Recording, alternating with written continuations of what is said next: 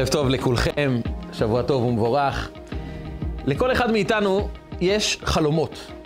חלומות זה לא רק אה, דבר שאנחנו עוברים בלילה, אלא חלום מלווה את האישיות שלנו, שאנחנו מדי פעם חולמים מה אנחנו רוצים שיצא מאיתנו, איך אנחנו רואים את החיים שלנו ככה בצורה יותר טובה, ברמה יותר גבוהה. אדם חולם על משפחה טובה, על זוגיות מוצלחת, על חברות, הצלחה בעבודה, קריירה. לכל אדם יש חלומות. אבל בשלב מסוים אדם אומר לעצמו, זה חלום טוב, כיף לחלום, בוא ננחת לקרקע המציאות, ותמיד טוב לחלום, אבל האם החלום הזה יכול באמת להתגשם? איך בכלל מגשימים חלומות? אנחנו רואים אנשים שהתחילו משום דבר, היה להם חלומות גדולים והם הצליחו לממש את זה. האם זה נחלה של אנשים בודדים שמצליחים להגשים חלום, או כל אחד יכול להגשים חלום? איך אנחנו יכולים, כל אחד מאיתנו, להגשים את החלומות האמיתיים, הכמוסים, הפנימיים שלנו? כי לכל אחד מאיתנו, גם אם הפסקנו להאמין בזה, לכל אחד מאיתנו יש חלום. ואנחנו נדרשים לשאלה, איך מגשימים חלומות. אנחנו עברנו את ספר בראשית. כל הספר מלא בחלומות. החל מאברהם אבינו שחולם בחלום הלילה, מה יהיה עם הצאצאים שלו, ועבדום ועינו אותם ארבע מאות שנה, אומר לו הקדוש ברוך הוא, ואחרי כן יצאו ברכוש גדול. אבימלך חולם חלומות, לבן חולם חלומות. יוסף כמובן חולם את החלום של מה יהיה איתו, יום אחד הוא יהיה מלך. פרעה חולם חלומות, בסוף החלומות מתגשמים, יוסף הופך להיות שליט במצרים, עם ישראל יורד למצרים, והתחלנו ספר חדש, שבוע שעבר, ספר שמות, ועכשיו אנחנו נמצאים באמצע השעבוד. החלום הגדול ביותר של כל אחד מעם ישראל, זה איך אני יכול להימלט ממצרים. איך אני יכול לצאת מהמקום הרע, המייצר, הכל כך כבד בחיים שלי? איך אני יוצא משם? והחלום הזה מתחיל בתהליך שעליו אנחנו קוראים בפרשת השבוע. אבל לפני כן שאלה אחת. למה אנחנו רואים קודם כל את הדברים השליליים בחיים? למשל, כשאני, כל אחד נכנס למקום יפה ומסודר, אבל פתאום בבית המסודר והיפה יש באמצע לכלוך. זה מיד צד את העין שלנו, תשומת הלב מיד מופנית לדבר הלא מסודר, ללכלוך שיש באמצע הבית, ואנחנו לא אומרים לעצמנו, סך הכל 99% מסודר, מה אכפת לי עם קצת לכלוך? לא, זה מיד תופס את תשומת הלב שלי. אם אדם מקבל דקירה באצבע, כל הריכוז שלו מופנה לדקירה באצבע, למרות שכל הגוף בריא ושלם והכל בסדר. אבל עכשיו הוא מרוכז בבעיה הקטנה שתופסת אותו. ולמרות שהבעיה הזו היא בעיה שהיא אחוז אחד מכל המאה אחוזים שהם בסדר גמור, אבל הנקודות הבעייתיות, השחורות, הקשיים, הלכלוך שיש בחיים, תופס מיד את תשומת הלב. ואנחנו מתמקדים קודם כל בדבר הזה. השאלה למה הנטייה הזו קיימת בקרבנו, למה זה נמצא בנו? לראות קודם כל את הנקודה השחורה. מספרים על מורה אחד שנכנס לכיתה והכריז על בוחן פתע.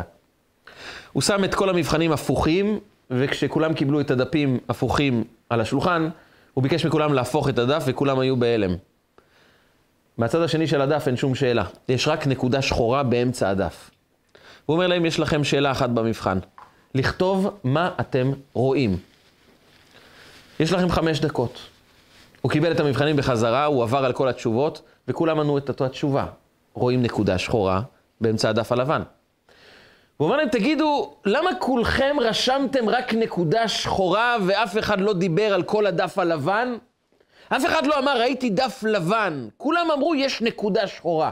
למה אתם רואים, מתמקדים, מתרכזים רק בנקודה השחורה ולא מדברים על כל הדף הלבן, שהוא רוב מה שנמצא כאן?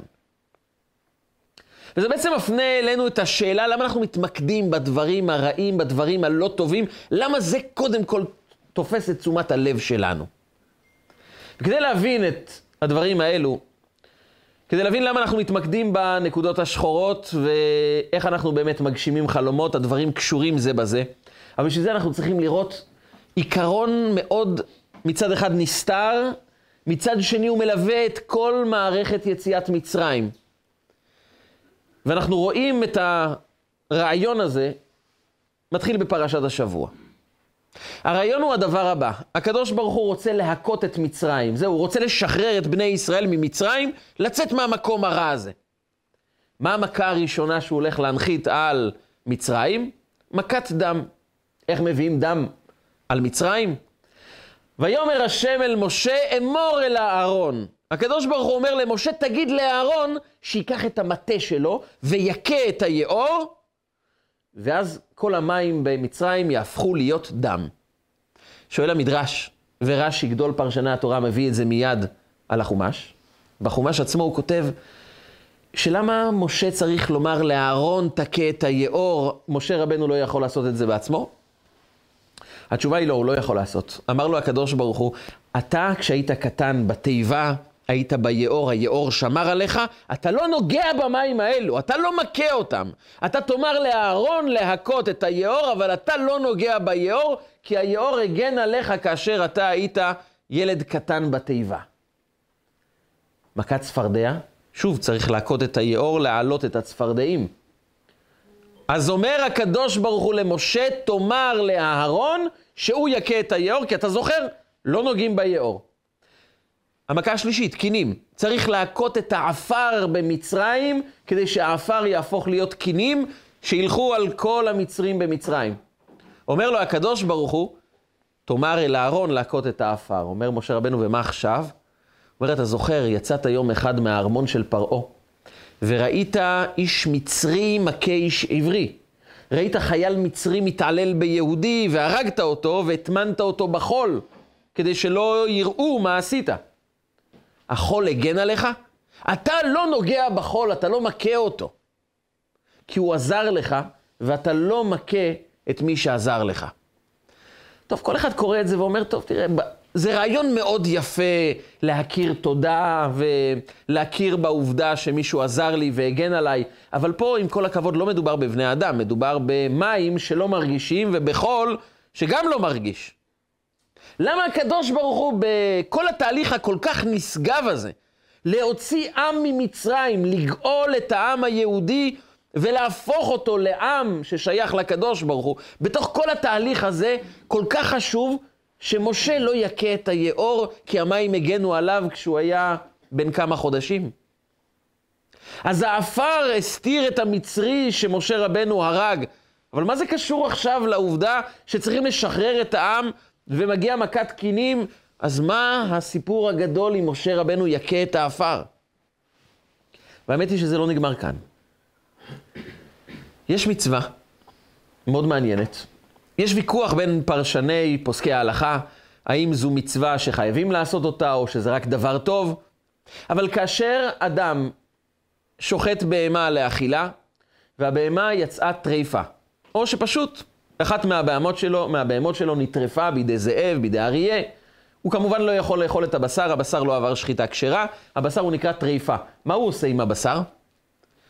אומרת התורה, ובשר בשדה טריפה לא תאכלו, לכלב תשליכון אותו. תחפש כלב ותיתן לו את הבשר שיאכל, תדאג לכלב. ולמה הוא צריך לדאוג לכלב? אומרת התורה, כך מביא המדרש, שאמרה התורה הרי כשבני ישראל היו במצרים באמצע מכת בכורות, כל המצרים היו קוברים את הבכורים שלהם, וכולם יללו והכלבים נבחו, ולכל בני ישראל לא יחרץ כלב לשונו. אף כלב לא נבח על יהודי. ואומר הקדוש ברוך הוא, אתם זוכרים שהכלבים לא נבחו? אז לכן כל פעם שיש לכם בשר, טריפה, שאתם לא יכולים לאכול, תיתנו לכלב, לכלב תשליכון אותו. בא רב גדול, יש לו בשר לא כשר, הוא מסתובב ברחוב. שואל אותו הגוי, כבוד הרב, למה אתה מסתובב באמצע הרחוב? הוא אומר, אני מחפש כלב. הוא אומר, למה אתה מחפש כלב? הוא אומר, יש לי בשר לא כשר, אני צריך למצוא כלב, להאכיל אותו. הוא אומר, וזה הכלב שלך? הוא אומר, לא, לא, לא כלב שלי. אז למה אתה מחפש כלב להאכיל אותו בשר? הוא אומר, כי הסבא של הסבא של הכלב הזה לפני שלושת אלפים שנה, במצרים לא נבח על הסבא של הסבא שלי, מגיע לו לאכול בשר. זה נראה על גבול התמוה, מוזר, הכלב לא נבח על סבא שלך לפני שלושת אלפים שנה, ולכן אתה מחפש את הנינים של הכלב, שבכלל לא ידוע איזה סוג כלבים היה במצרים ואיזה סוג כלבים אתה מוצא כאן ברחוב? אבל אומרת התורה, לכלב תשליכון אותו. עד כדי כך שמספרים בעיירה היהודית, היה שוחט שתמיד כשהוא היה שוחט את הבשר, הוא היה בא לשאול את הרב האם זה כשר. יש המון בדיקות שצריכים לעשות כדי לוודא האם הבשר כשר או לא כשר. והרב פעם שהוא היה אומר לו שזה כשר, פעם הוא אומר לו זה טרף. יום אחד הוא הפסיק לבוא לשאול שאלות. חודשיים הוא לא בא לשאול שאלות. אחרי חודשיים הוא חזר לבוא לשאול שאלות על הבשר. שאל אותו הרב, תגיד, לא עבדת כל החודשיים האלו? אומר, עבדתי. ולא היו לך שאלות? אומר, היה, בטח היה שאלות, תמיד, תמיד יש שאלות. הוא אומר, אז מה, בחרת רב אחר לשאול שאלות? הוא אומר, לא, אמרתי, למה אני מטריח את הרב? קראתי בפסוק שבשר בשדה טרפה לא תאכלו, לכלב תשליכון אותו. זאת אומרת, בשר טרפה נותנים לכלב, כשר אנחנו אוכלים. אמרתי לעצמי, למה אני מטריח את הרב? אני אשים את הבשר ליד הכלב. אם זה טרפה, הוא יאכל, אם זה לא טרפה, הוא לא ייגע בזה. הרב מסתכל עליו ואומר לו, נו, ומה עכשיו? אומר, עכשיו החלטתי לחזור לרב. אומר, וזה למה? הוא אומר, כי הכלב מחמיר, הכל אצלו טרפה. מה התורה מחפשת, מבקשת מאיתנו ללכת לתת בשר לכלב בגלל סיפור שהתרחש לפני שלושת אלפים שנה, וזה לא שהכלב הוציא אותנו ממצרים, הוא בסך הכל לא נבח. וזה לא נגמר כאן. יש מצווה לא ידועה, נדירה מאוד, שלאחרונה, בשנים האחרונות, מאוד אוהבים לקיים אותה. זה מצוות פדיון פטר חמור. מי שמגדל חמורים, אז הבכור של החמור, זאת אומרת, הילד הראשון שנולד לאתון, זה נקרא בכור, פטר חמור, וצריכים לפדות אותו בשא תהליך שלם, שיש בו איזה קדושה, הוא שייך לכהונה, צריך לפדות אותו. זו מצוות פדיון פטר חמור, רוב העולם לא מגדלים חמורים, ולכן המצווה הזו היא מאוד נדירה. אבל כבר הגמרא במסכת ברכות, התלמוד שואל, למה יש את המצווה הזו של הבכור של החמורים? ומה עם הבכורים של הגמלים והסוסים? לא, רק חמור. מה מיוחד בבכור של החמור? אמר רבי אלעזר, כשעם ישראל יצאו ממצרים, כל אחד היו לו 90 חמורים לוויים גדולים שהיו סוחבים בשבילו כספה וזהבה של מצרים. כל אדם יצא עם עושר גדול והוא נעזר בחמורים לסחוב את העושר הגדול הזה. לכן יהיה מצווה עם החמורים. אנחנו רואים דבר אחד ששזור לאורך כל יציאת מצרים. הקדוש ברוך הוא אומר למשה רבנו, אתה תכיר תודה ליאור, למים ולחול. אתם תיתנו בשר לכלבים במשך אלפי שנים, כי לא נבחו עליכם, וגם יש קדושה מסוימת בבכור של החמור, כי אתם נעזרתם בחמורים שלפני שלושת אלפים שנה, כדי לסחוב את העושר שלכם ביציאת מצרים. ולמה זה כל כך חשוב? למה הירידה לפרטים הכל כך שוליים, הכל כך פחותים, שנראים כל כך אה, לא חשובים? כמובן שכולנו בעד הכרת תודה, זה דבר חשוב. אין אדם שלא מחנך את הילדים שלו, קיבלת משהו, תאמר תודה. אבל למה זה יורד לרזולוציה כל כך כל כך שולית, שטחית, נמוכה, פשוטה, קשה להבנה של להכיר תודה לכלבים בגלל שלא יחרץ כלב לשונו במצרים, לפדיון פטר חמור בגלל שהחמורים של פעם סחבו את העושר של אבותינו. למה זה יורד לרמה הזאת? ולמה כל זה קשור ליציאת מצרים? כל הכרת התודה שאנחנו פוגשים בתורה היא קשורה ליציאת מצרים מהסיבה הבאה. מה זה מצרים? יתרו חותן משה. אבא של אשתו של משה רבנו היה גר במדיין. עם ישראל יוצאים ממצרים, חוצים את ים סוף, המצרים טובעים, הממלכה המצרית קרסה לגמרי, ועם שלם יצא ממצרים. יתרו אומר, אני חייב לפגוש את העם הזה. ואז הוא בא למשה, והוא מספר למשה מה שהוביל אותי אליכם. זה בגלל סיבה אחת. אני ראיתי את הניסים הגדולים שהקדוש ברוך הוא עשה כשהוא הוציא אתכם ממצרים, ואתה יודע, מצרים אין עבד יכול לצאת משם. עבדים לעולם לא מסוגלים לצאת ממצרים. אומרים בקבלה שמצרים מסתיימת באות מ' סופית, אות שהיא סגורה לגמרי. ולמה היא סגורה לגמרי? כי אין עבד יכול לצאת ממצרים. זה היה מקום של מסך ברזל לא רק מבחינה פיזית, בעיקר מבחינה רוחנית. אדם ששקע ביאור, אדם שטבע בתוך תרבות מצרים, מי שהפך להיות עבד במצרים, לא הצליח לצאת משם. אומר יתרו, ופה עם שלם יצא ממצרים. איך עשיתם את זה? מה הסוד של אדם שהוא עבד במצרים והוא מצליח לצאת מהמקום הזה? בעומק יתרו שואל את משה רבנו, הרי אתם הייתם עבדים במצרים, כפי שדיברנו פעמים קודמות, לא רק עבדים פיזיים לעבודה פיזית במצרים, בעיקר הייתם עבדים רוחניים. תרבות מצרים תפסה את היהודי, העבד במצרים, ואמרה לו, זה מי שאתה, אתה טובע ביאור. אתה עבד למצרים, אתה שייך לטומאה, עם ישראל היו שקועים במ"ט שערי טומאה. זה אומר שכל יהודי קם בבוקר ושאל את עצמו, מי אני? והוא ענה לעצמו בכאב גדול, אני כבר מצרי, אני טמא. אני כבר שקוע עמוק עמוק בתרבות מצרים. כל קשר ביני לבין התרבות של אברהם אבינו, זהות יהודית, מקרי בהחלט. אני כבר לא אדם שמשתייך למשפחתו של אברהם, למשפחתו של יצחק, למשפחתו של יעקב אבינו. ויראו אותנו המצרים, הם הפכו אותנו לרעים. אדם קם בבוקר ואמר, הרי מה אני עושה כל היום? אני עובד עבודה זרה, אני חוטא, אני שייך לתרבות מצרים. כל מה שמעסיק אותי זה רק מה שמעסיק מצרי מצוי. אין בקרבי שום דבר מיוחד שמייחד אותי בזהות יהודית. אני פה, וזה מה שיישאר.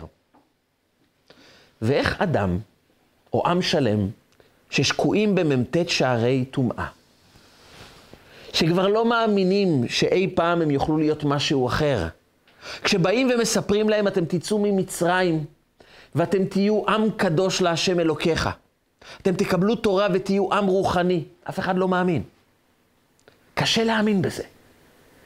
ובשלב מסוים העם כן מאמין ויוצא ממצרים ושואל יתרו, איך זה ייתכן? איך יוצאים ממצרים?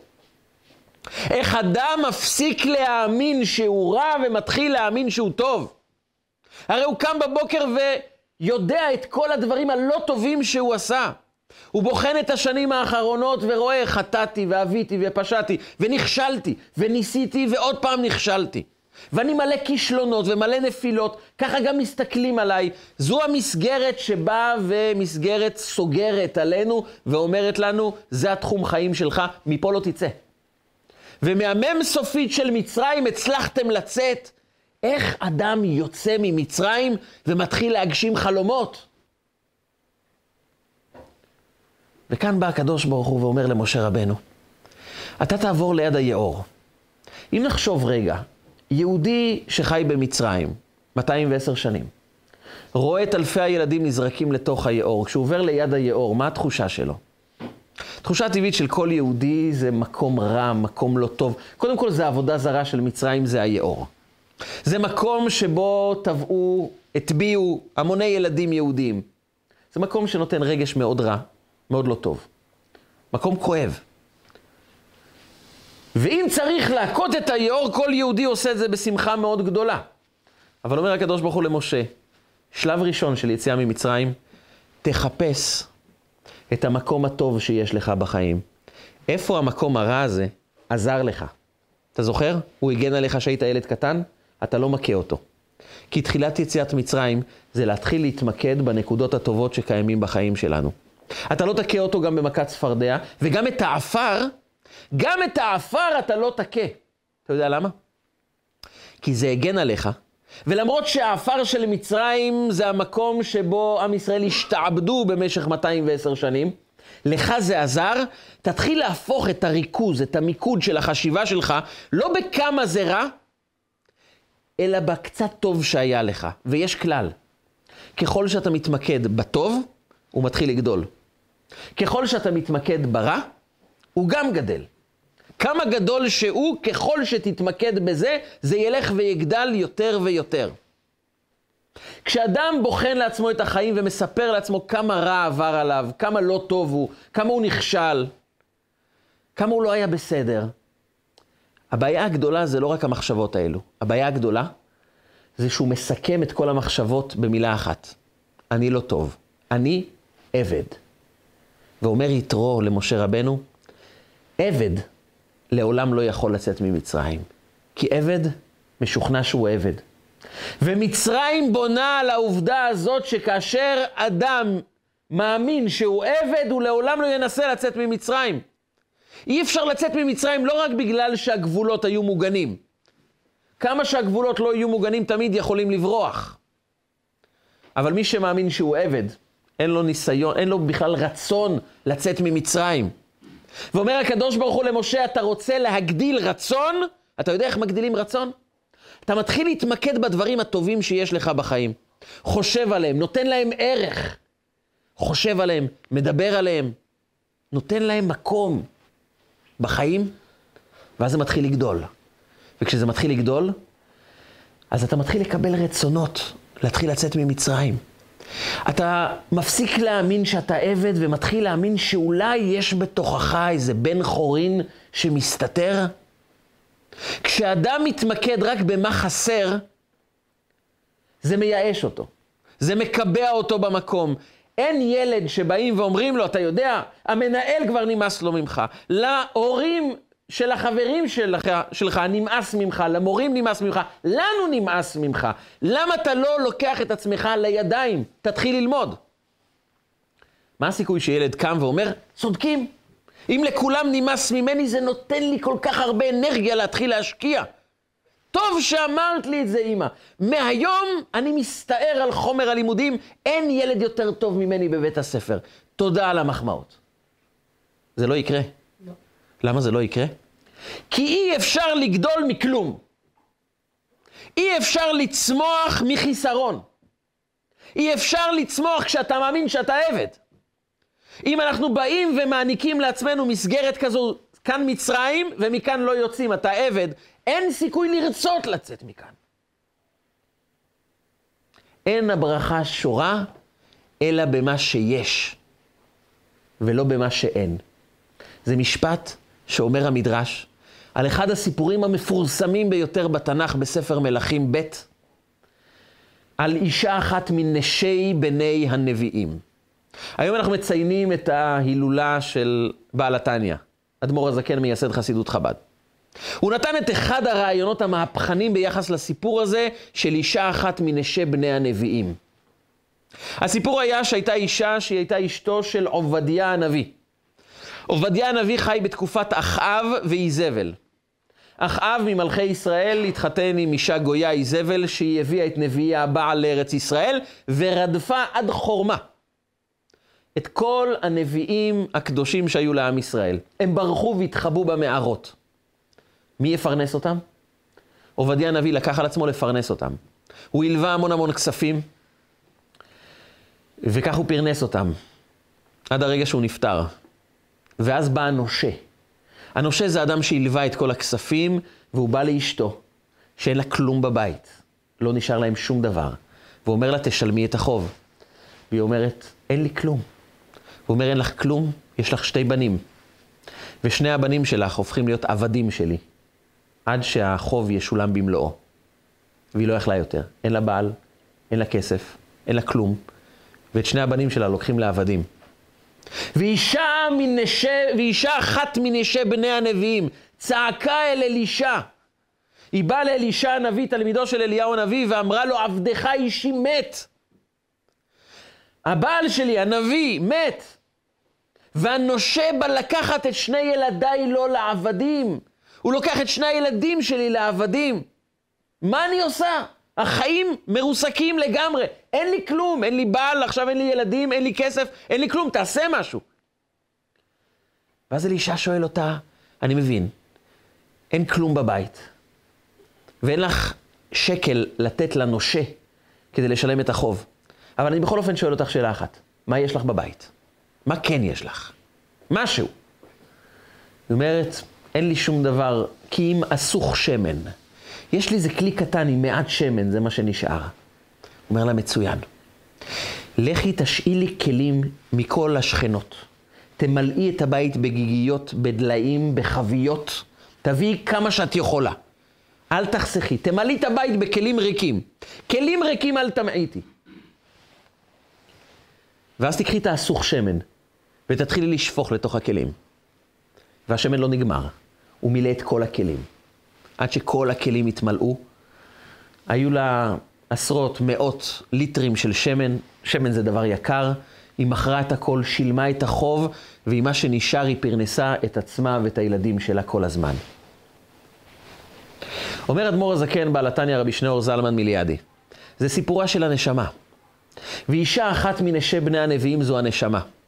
היא צועקת אל הקדוש ברוך הוא, לא נשאר לי דבר, חטאתי, עוויתי, פשעתי. אני כל כך שקועה במצרים, אני בעלת חוב, אין לי קדושה, אין לי חיים, אין לי התרוממות הרוח, אין בי כלום. זה אדם שעומד מול ריבונו של עולם ואומר, אני כל כך רחוק ממך, אני כל כך לא טוב.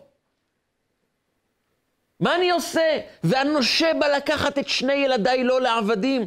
יצר הרע בא אליי ואומר, שני הילדים, הכוח של האהבה והכוח של היראה, שהם הכוחות הדומיננטיים בחיים שלנו, בנפש שלנו, הוא לוקח אותם לעבודה זרה, שנאהב רק דברים פחותים, גשמיים, עבירות, עוונות, פשעים, שנפחד רק מדברים חומריים, עולם הרוח מחוק אצלי.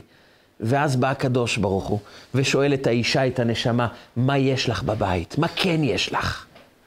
כי כמה שלא נראה את העבדות מסביבנו, אומר הקדוש ברוך הוא למשה, יש משהו טוב, יש בך נקודת אמת, יש בך נקודה אמיתית ששם אי אפשר לגעת בה, אי אפשר להחריט אותה, אי אפשר למחוק אותה, יש לך את נקודת היהדות, נקודת הקדושה, נקודת הטוב, דע לך דבר אחד, זה מי שאתה.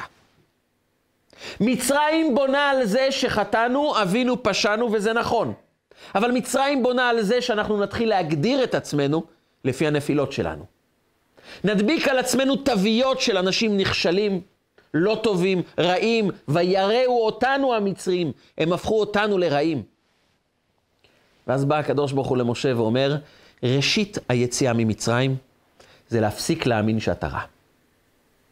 מה זה להפסיק להאמין? אבל אני רואה כמה אני חוטא, אני רואה כמה אני פשעתי, אני רואה כמה אני לא טוב, ואנשים גם דואגים לומר לי את זה. ואז פונה הקדוש ברוך הוא ואומר, מה יש לך בבית? מה הנקודה הטובה שכן יש בך? מה הניצוץ האלוקי שכל הזמן נמצא בך דומיננטי? מי הוא? אתה מכיר אותו? אתה מזהה אותו? ורק אם תזהה אותו ותאמר, זה מי שאני, תתחיל להתמקד בו, תתחיל להתרכז בו, תתחיל להעניק לו נפח בחיים שלך, בנקודה הטובה, במידה הטובה שלך. בקצת אלוקות שאתה רואה בתוכך, בקצת חסד שאתה מוצא בתוך עצמך, כשתתמקד בזה, אתה לאט לאט תתחיל להאמין שאולי יש בך משהו טוב. ואז תוכל להתחיל לצאת ממצרים. אז הרצונות יתחילו לגדול. כי כשבאים לילד ואומרים לו כמה טוב יש בו, כמה גדלות יש בו, כמה כישרונות יש בו, וכשהוא רואה שאנשים באמת אמיתיים, אומרים לו את הטוב שיש בו, והוא מתחיל לזהות, הוא מתחיל להאמין שיש בו טוב, מתעורר בו רצון להתחיל להשקיע. כי אין הברכה שרויה במה שאין, אלא רק במה שיש. כך אומר המדרש כאשר הנביא אמר לאישה הזו, מנשי בני הנביאים, מה יש לך בבית? את רוצה ברכה? תדעי לך כלל, ברכה לא יכולה לשרות במקום של ריקנות. אין הברכה שורה במה שאין, אלא במה שיש. ואם אדם רוצה ברכה, הוא צריך להתמקד במה יש לו. וכאן מגיעה שאלה, מגיע קונפליקט. מגיע סוג של חשיבה מחודשת על החיים שלנו. הרי מצד אחד, אני חייב לדעת שיש בי חסרונות. מה זה להתמקד בטוב? להיות כזה מלאך שרואה רק טוב, שרואה רק חסד, שכולם נחמדים, שהכל טוב. אם אני אחיה בצורה כזו, ינצלו אותי, ידרכו עליי, ימעכו אותי, אני חייב לדעת בדיוק מה לא טוב כאן בחיים כדי להגן על עצמי. אז מה זה החלום הזה, להיות כזה טוב ומתמקד בטוב, וכל המשפטים היפים של חצי הכוס המלאה? התשובה היא האיזון. כשאדם רוצה להגן על עצמו, הוא צריך לדעת מה רע. זו הסיבה שהמוח שלנו קודם כל מזהה מה לא טוב. זה נקרא המוח ההישרדותי. חוקרי המוח אומרים שמערכת העצבים פוגשת קודם כל את המוח ההישרדותי. זאת אומרת שהמוח קודם כל בא להגן עלינו. אתה נכנס למקום, תהיה מוגן, תזהה מה לא טוב כדי להגן על עצמך. כי אם אדם יאמין שהכל טוב, הוא לא יזהה את הבעיות שמתחילות לצוץ, והוא לא יגן על עצמו. אז יש לנו מערכת הישרדותית שקודם כל מזהה את הבעיות, כדי שנוכל להגן על עצמנו. אבל כאן מגיעה הבעיה. ברכה לא מגיעה ממה שאין, רק ממה שיש. אני מגן על עצמי כי אני מזהה את הבעיות, אבל אם אני אשאר במה לא טוב, במה הסכנה, באיפה מתחילה הבעיה לצוץ, אני נכנס לתוך מסגרת שקובעת לי שבחיים שלי יש הרבה מצרים, הרבה לא טוב, הרבה הגבלות. וברכה, התקדמות והתפתחות לא תהיה כאן. לכן ברגע שאדם קודם כל מזהה את הבעיות, מגן על עצמו, הוא צריך לעבור לשלב הבא. לצאת ממצרים, לצאת מההגבלות. לשאול את עצמי עכשיו, מהם הנקודות הטובות שיש בי? מהם המידות הטובות שיש בי? איפה אני רואה את הטוב שקיים בתוך החיים? והכלל הוא, ככל שאני מתמקד ביש, מגיעה ברכה. הנביא יכל לתת, לעשות נס והיא תרים איזה בלטה מתחת, אה, בקרקעית הדירה שלה ותמצא המון כסף. תשבור איזה קיר ותמצא אוצר. אבל הוא ביקש ללמד אותה, כשאת רואה הרבה הרבה חסרונות, תשאלי את עצמך, מה יש לך בבית? מה יש לך בתוכך? מה יש לך בתוך הנפש? את חייבת למצוא משהו אחד טוב, כי רק מזה יגיע ברכה. אין הברכה שורה במה שאין, אלא במה שיש. וכשהיא מצאה את הסוך שמן, את הקצת שמן שנמצא בחיים שלה, היא התחילה להתפתח, היא התחילה לגדול. היא התחילה לראות טוב בחיים שלה. וזה מה שהקדוש ברוך הוא מבקש מאיתנו. להתחיל לראות את הטוב שנמצא כאן, להתמקד בו. ככל שמתמקדים בו, הוא הולך וגדל. ככל שאנחנו מאמינים שיש בתוכנו טוב, אנחנו מזהים את הדברים הטובים שיש בנו, אנחנו מפרטים לעצמנו מהם הכישורים שלנו. אנחנו יודעים בדיוק מהם האיכויות שלנו, המידות הטובות, המעשים הטובים, ומתמקדים בהם. לא כי אנחנו מזלזלים בחסרונות, לא כי אנחנו מתעלמים מהם, אלא כי אנחנו מבינים שבשביל להתפתח, אני חייב להתמקד בטוב. וכשמשה מתמקד בטוב, שיש ביאור, שיש באפר, אז הוא מתחיל לצמוח. כאן מתחילה יציאת מצרים. כי משהו אחד משתנה כשאנחנו מתמקדים בטוב. אנחנו מקבלים שליטה על המודעות שלנו, ואנחנו הופכים להיות מאנשים שנמצאים במודעות שלילית, לא טובה, בעין רעה על עצמנו, אנחנו מתחילים לקבל עין טובה על עצמנו, וכאן השאלה המרכזית. נכון, יש נפילות, יש אכזבות, יש עבירות, יש דברים לא טובים, ויש גם דברים טובים. בסופו של יום, באיזה עין אתה מסתכל על עצמך, באיזה עין את מסתכלת על עצמך, באיזה עין אנחנו מסתכלים על עצמנו. אנחנו טובים או לא טובים? וכשאדם שואל את עצמו, אני טוב או לא טוב? הוא מתחיל לערער, אולי אני קצת טוב, קצת לא טוב, אולי בעיקר לא טוב. ואדם חייב כדי לצמוח עין טובה על עצמו. כי השאלה העמוקה יותר היא, מי אני באמת? האם הנפילות והכישלונות מגדירים אותי, או שאני בעומק טוב? ואומר הקדוש ברוך הוא למשה, אתם חייבים, עם ישראל, כדי לצאת ממצרים, להאמין שבעומק אתם טובים. בעומק אתם לא עבדים. ורק אדם שמאמין שבתוך תוכו הוא לא עבד לעולם, הוא לא עבד לכישלונות, בתוך מהותו הוא טוב, ורק צריך להוציא את הכישורים שלו לחוץ, הוא רק צריך לגלות את הבן חורין שבתוכו, רק אדם כזה יכול לצאת ממצרים. ובשביל זה תתחיל להתמקד בטוב. וכשאדם מתמקד בטוב, יש כאן בעיה נסתרת שאנחנו לא שמים לב אליה, אבל הקדוש ברוך הוא מפנה את הזרקור לבעיה הקטנה הנסתרת הזו. אדם למשל, כעסן, עצלן, לא אוהב לעבוד. וניקח את האדם למשל הכעסן שצריך להשכיב את הילדים לישון. והוא אומר לעצמו, הפעם אני אעשה את זה בנחת, ברוגע, בשלווה. וזה מחזיק 60 שניות. אחרי 60 שניות הוא לא מצליח יותר, כולם לעוף למיטות, מתחיל לצעוק, אומר עם ארגוני טרור אתה חייב לעשות מבצע ארטילרי, להפציץ את כולם, והוא שולח את כולם. אחרי מאבק שלם כולם ישנים, הוא מתיישב על הספה ואומר עוד פעם, נכשלתי. למה כעסתי? למה זה חייב להסתיים באווירה כזאת כל ערב? הוא אומר לעצמו, אין לי סיכוי. אני כנראה כעסן. עם השישים שניות שהוא התאפק, שהוא כן עמד, מה המשמעות שלהם?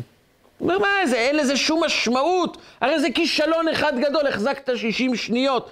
זה כלום, זה שום דבר. תראה, בסופו של יום, המערכת הסתיימה אחרי מבצע בעזה עם הרוגים ופצועים. הילדים קיבלו יחס של ארגון טרור. אז ה-60 שניות הם כישלון אחד גדול. וכאן השאלה למה? למה זה כישלון? הרי 60 שניות כן החזקת טוב. למה אתה לא נותן לזה מקום? אדם נכנס לבית הכנסת, רואה יהודי מתפלל, אומר, זה מלאך, תראה איך הוא מתפלל. מה התפילה שלי שווה? בקושי אני חושב על פסוק אחד שאני אומר כמו שצריך, על משפט אחד בתפילה. הוא כיוון במשפט אחד, אבל אין לזה ערך. מה זה ביחס לאנשים שבאמת באמת מתפללים, אתה רואה אותם שקועים בתפילה, אנשים באמת רוחניים, איפה אני ואיפה הם? ואנחנו מזלזלים בדברים הקטנים שאנחנו עושים טוב, מה הסיבה? כי אנחנו נגועים הרבה פעמים בבעיה שנקראת או הכל או כלום. או שאני מושלם, או ששום דבר לא שווה. 60 שניות של שלווה לא שווים. אם בסופו של יום התעצבנתי וכעסתי ושלחתי את כל הילדים בכעס ובזעם לישון. והתשובה היא, אם אתה לא תלמד להעריך את הצעדים הקטנים שאתה עושה, אתה לעולם לא תגיע להצלחה, לעולם לא תגיע גבוה. כל פרי שמתחיל לצמוח הוא צומח קטן. ואני ממשיך להשקות את העץ, רק בגלל שאני מאמין שכל דבר קטן הופך לגדול. ולכן אומרת לנו המשנה במסכת ביקורים דבר מפתיע ביותר. מצוות ביקורים זה בעצם שבעת המינים, הפירות הראשונים של שבעת המינים שצמחו אצלי בגינה.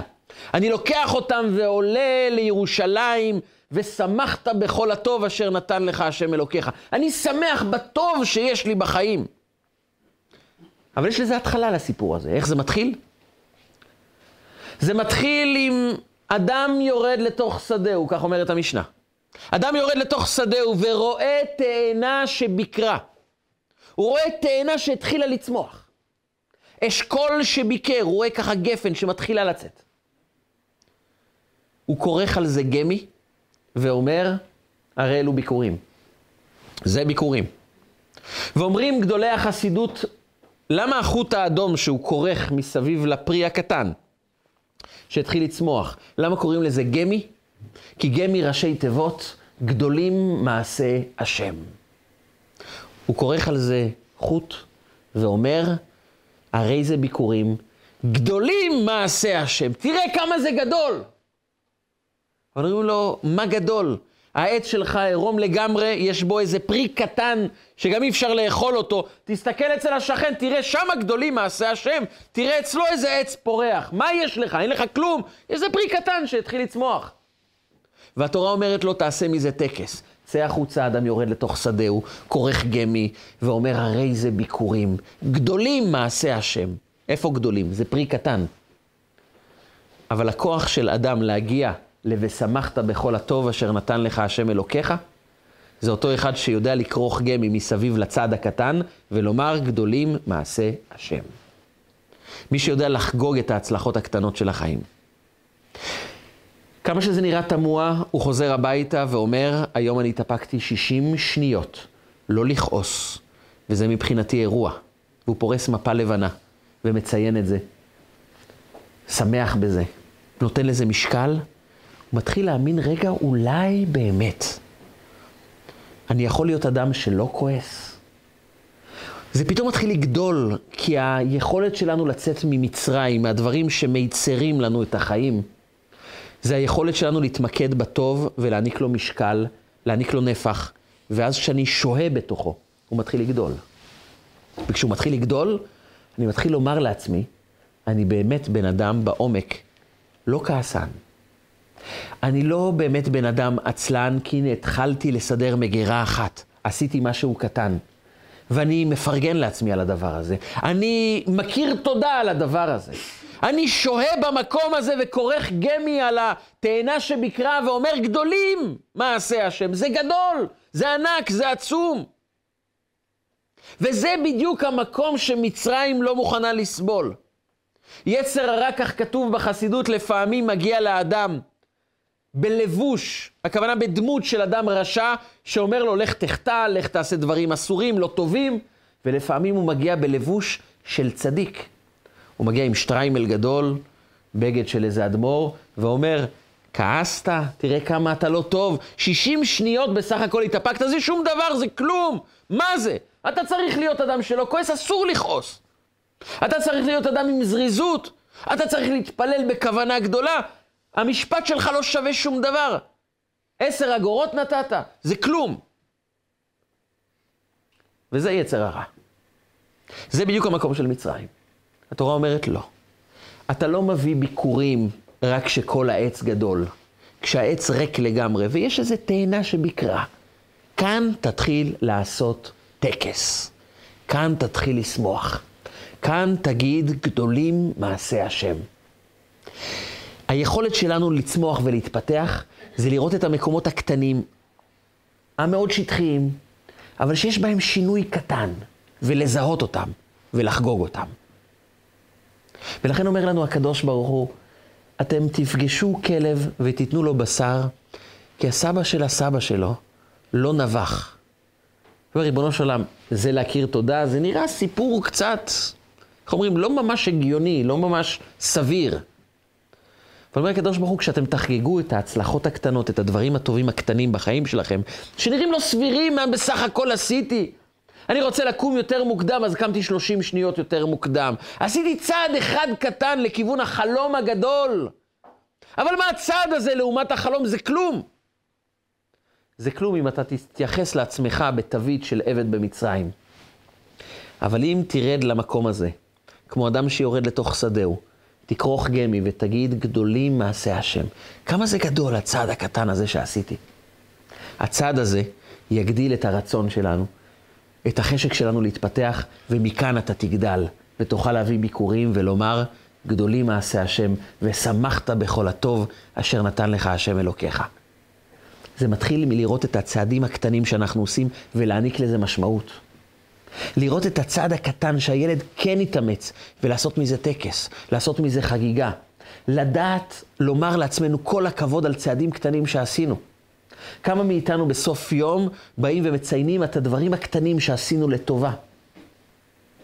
אז אם המוח ההישרדותי, ההגנה ההתחלתית, זה קודם כל לזהות את הבעיות כדי לא להיפגע, אחרי שעברנו את השלב הזה, אנחנו חייבים לעבור למה יש, מהם הדברים הטובים שקיימים בחיים שלנו. זה ממקד אותנו בטוב, זה ממקד אותנו בעשייה חיובית, זה ממקד אותנו ברצון לפעול ולהתפתח ולהתקדם, והצעד הראשון לזהות את הדברים הכי קטנים, את הפטר חמור, כי פעם החמורים עזרו לנו, את הכלב שקיבל בשר רק בגלל שהכלבים לא נבחו על אבותינו במצרים, זה נראה מאוד קטן, אבל כאן הסוד, בדברים הכי קטנים. שמעולם לא הענקנו להם יחס, מעולם לא השקענו בהם, לא הענקנו להם משקל, בדברים הקטנים האלו. אנחנו מוצאים את התשובה לשאלה מי אנחנו באמת. ואם אנחנו מגדירים את עצמנו לפי הטוב שיש בתוך החיים, אנחנו אומרים לעצמנו, אני כן בכוונה מתמקד בצעדים הקטנים הטובים, כי אני יודע שזה מי שאני. זה מתחיל לגדול, ואז אדם מקבל על עצמו עין חדשה. אני לא עבד. אולי מצרים משעבדים אותי, אולי אני נמצא במסגרת לא טובה, אבל אני לא עבד. אני בן חורין, אני טוב. אני רואה את הצעד הקטן של היכולת שלי לצאת ממצרים כגדולים מעשה השם. ואם זה גדול, זה גדל. אם אני מחשיב את זה כגדול, אז מתעורר בי רצון להמשיך להשקיע בדבר הזה. כי אין הברכה שורה במה שאין, אלא במה שיש. ואנחנו חייבים למצוא כמה שיותר יש בתוכנו, ולומר, זה מי שאני באמת. וחלומות גדולים מתממשים אצל אנשים שרואים בכל צעד קטן דבר גדול, דבר עצום. הם רואים בזה את הערך האמיתי שלהם. הם רואים בזה תשובה לשאלה מי אני. אני במהותי טוב. אני במהותי מחפש משמעות אמיתית לחיים. אני במהותי רוצה להעניק לעולם. כל הכישלונות, כל הנפילות, זה לא מי שאני באמת. זה מצרים. ואני יוצא ממצרים, כי אני לא מאמין למצרים. וכך אמר יתרו למשה, אין עבד יכול לצאת ממצרים. וכביכול משה רבנו עונה לו, עבד לא יכול לצאת ממצרים. אתה יודע מי יכול לצאת ממצרים? זה זה שעומד מול המצרים ואומר, לעולם אני לא אהיה עבד לאירועים הלא טובים של החיים שלי. לעולם אני לא אכרע ברך מול הכישלונות, מול הנפילות, מול העבירות. זה לא מי שאני. אתה יודע מי אני? אני זה אדם שיורד לתוך שדהו ורואה תאנה שבקרה. אני רואה פרי קטן בתוך העץ שאין בו כלום. ואני אומר, גדולים מעשה השם, ואני כורך גמי ואומר, זה מי שאני באמת. אני לא מאמין למצרים, ומצרים יכולים לשלוט על כל העולם, כל עוד שכל העולם מאמין שהם עבדים למצרים. למצרים אין כוח לשלוט על מי שלא מאמין שהוא עבד. וזה סוד הנצחיות של עם ישראל. אומות שלמות, ממלכות, אימפריות, ניסו להשמיד את העם היהודי. הם נמחקו מהמפה. כי בשלב מסוים הם הפכו לעבדים, ועבד אין לו סיכוי לצאת מהמקום הצר, הרע של החיים שלו. העם היהודי מעולם לא האמין שהוא עבד. הוא תמיד אמר את המשפט שאמרו גדולי החסידות, רק הגוף שלנו בגלות, הנשמה, הזהות, האמת, האסוך שמן של אותה אישה מנשי בני הנביאים, האמת הפנימית שבנו, זה שאנחנו מעולם לא עבדים, אנחנו תמיד בני חורין, אנחנו תמיד טובים. זה האמת שלנו. ואז אנחנו מתחילים לגדול. אז אנחנו מתחילים באמת בחשק, ברצון, בהתלהבות, בהמון אהבה, לטפל בחסרונות, להעלים אותם, כי העלמת החסרונות, ההתקדמות והברכה, יכולה לצמוח רק מתוך גישה חיובית, עין טובה על עצמנו. הסתכלות אמיתית על הזהות של מי אנחנו באמת, לא משנה מה עבר עלינו. אנחנו בעלי ערך. אני רוצה לסיים ברשותכם במשל ששמעתי על מורה שנכנס לכיתה. והוציא מהארנק שלו שטר של 200 שקלים, חדשים, יפים, מגוהצים ישר מהבנק. ושאל מי רוצה, חינם, מי רוצה? כל הכיתה הצביעה. כולם רוצים, שטר של 200 שקלים. כולם רצו. הוא אמר להם, טוב, חכמים, אתם רוצים את זה ככה. בואו תראו משהו. הוא לקח את השטר וכימת אותו לגמרי, הפך אותו, כימת אותו לגמרי, עשה ממנו כדור, ופתח אותו ואמר, אתם רואים את השטר המקומט הזה? מי רוצה אותו עכשיו? כולם הצביעו. ואתם עדיין מצביעים? חכו רגע. זרק אותו על הרצפה, דרך עליו, מעך אותו, לכלך אותו. והוא הוציא שטר מעוך, מלוכלך, מקומט לגמרי, ואומר, עכשיו מי רוצה את הדבר הזה? כולם הצביעו. הוא אומר להם, למה אתם עדיין רוצים את השטר? אתם יודעים למה? הרי הוא מקומט, הוא מלוכלך, הוא מרוסק, דרכו עליו. למה אתם רוצים אותו? כי אתם לא מביטים רגע אחד לקמטים, ללכלוך, למעיכה. אתם תמיד שואלים את עצמכם שאלה אחת, יש בו ערך של 200 שקלים? אני רוצה אותו. לא מפריע לי כמה הוא מקומט, כמה הוא מלוכלך. יש בו ערך, אני רוצה אותו. תסתכלו תמיד על עצמכם בדרך הזו. יכול להיות שדרכו עליכם, יכול להיות שמעכו אתכם, יכול להיות שאתם מרגישים שהחיים מקמטים אתכם. אם תזכרו את הערך שלכם, תמיד תאהבו את עצמכם. תמיד תאמינו שאתם יכולים להשפיע בעולם. תמיד תאמינו שיש לכם בשורה לתת לעולם, כי יש בכם ערך, לא משנה מה עבר עלינו.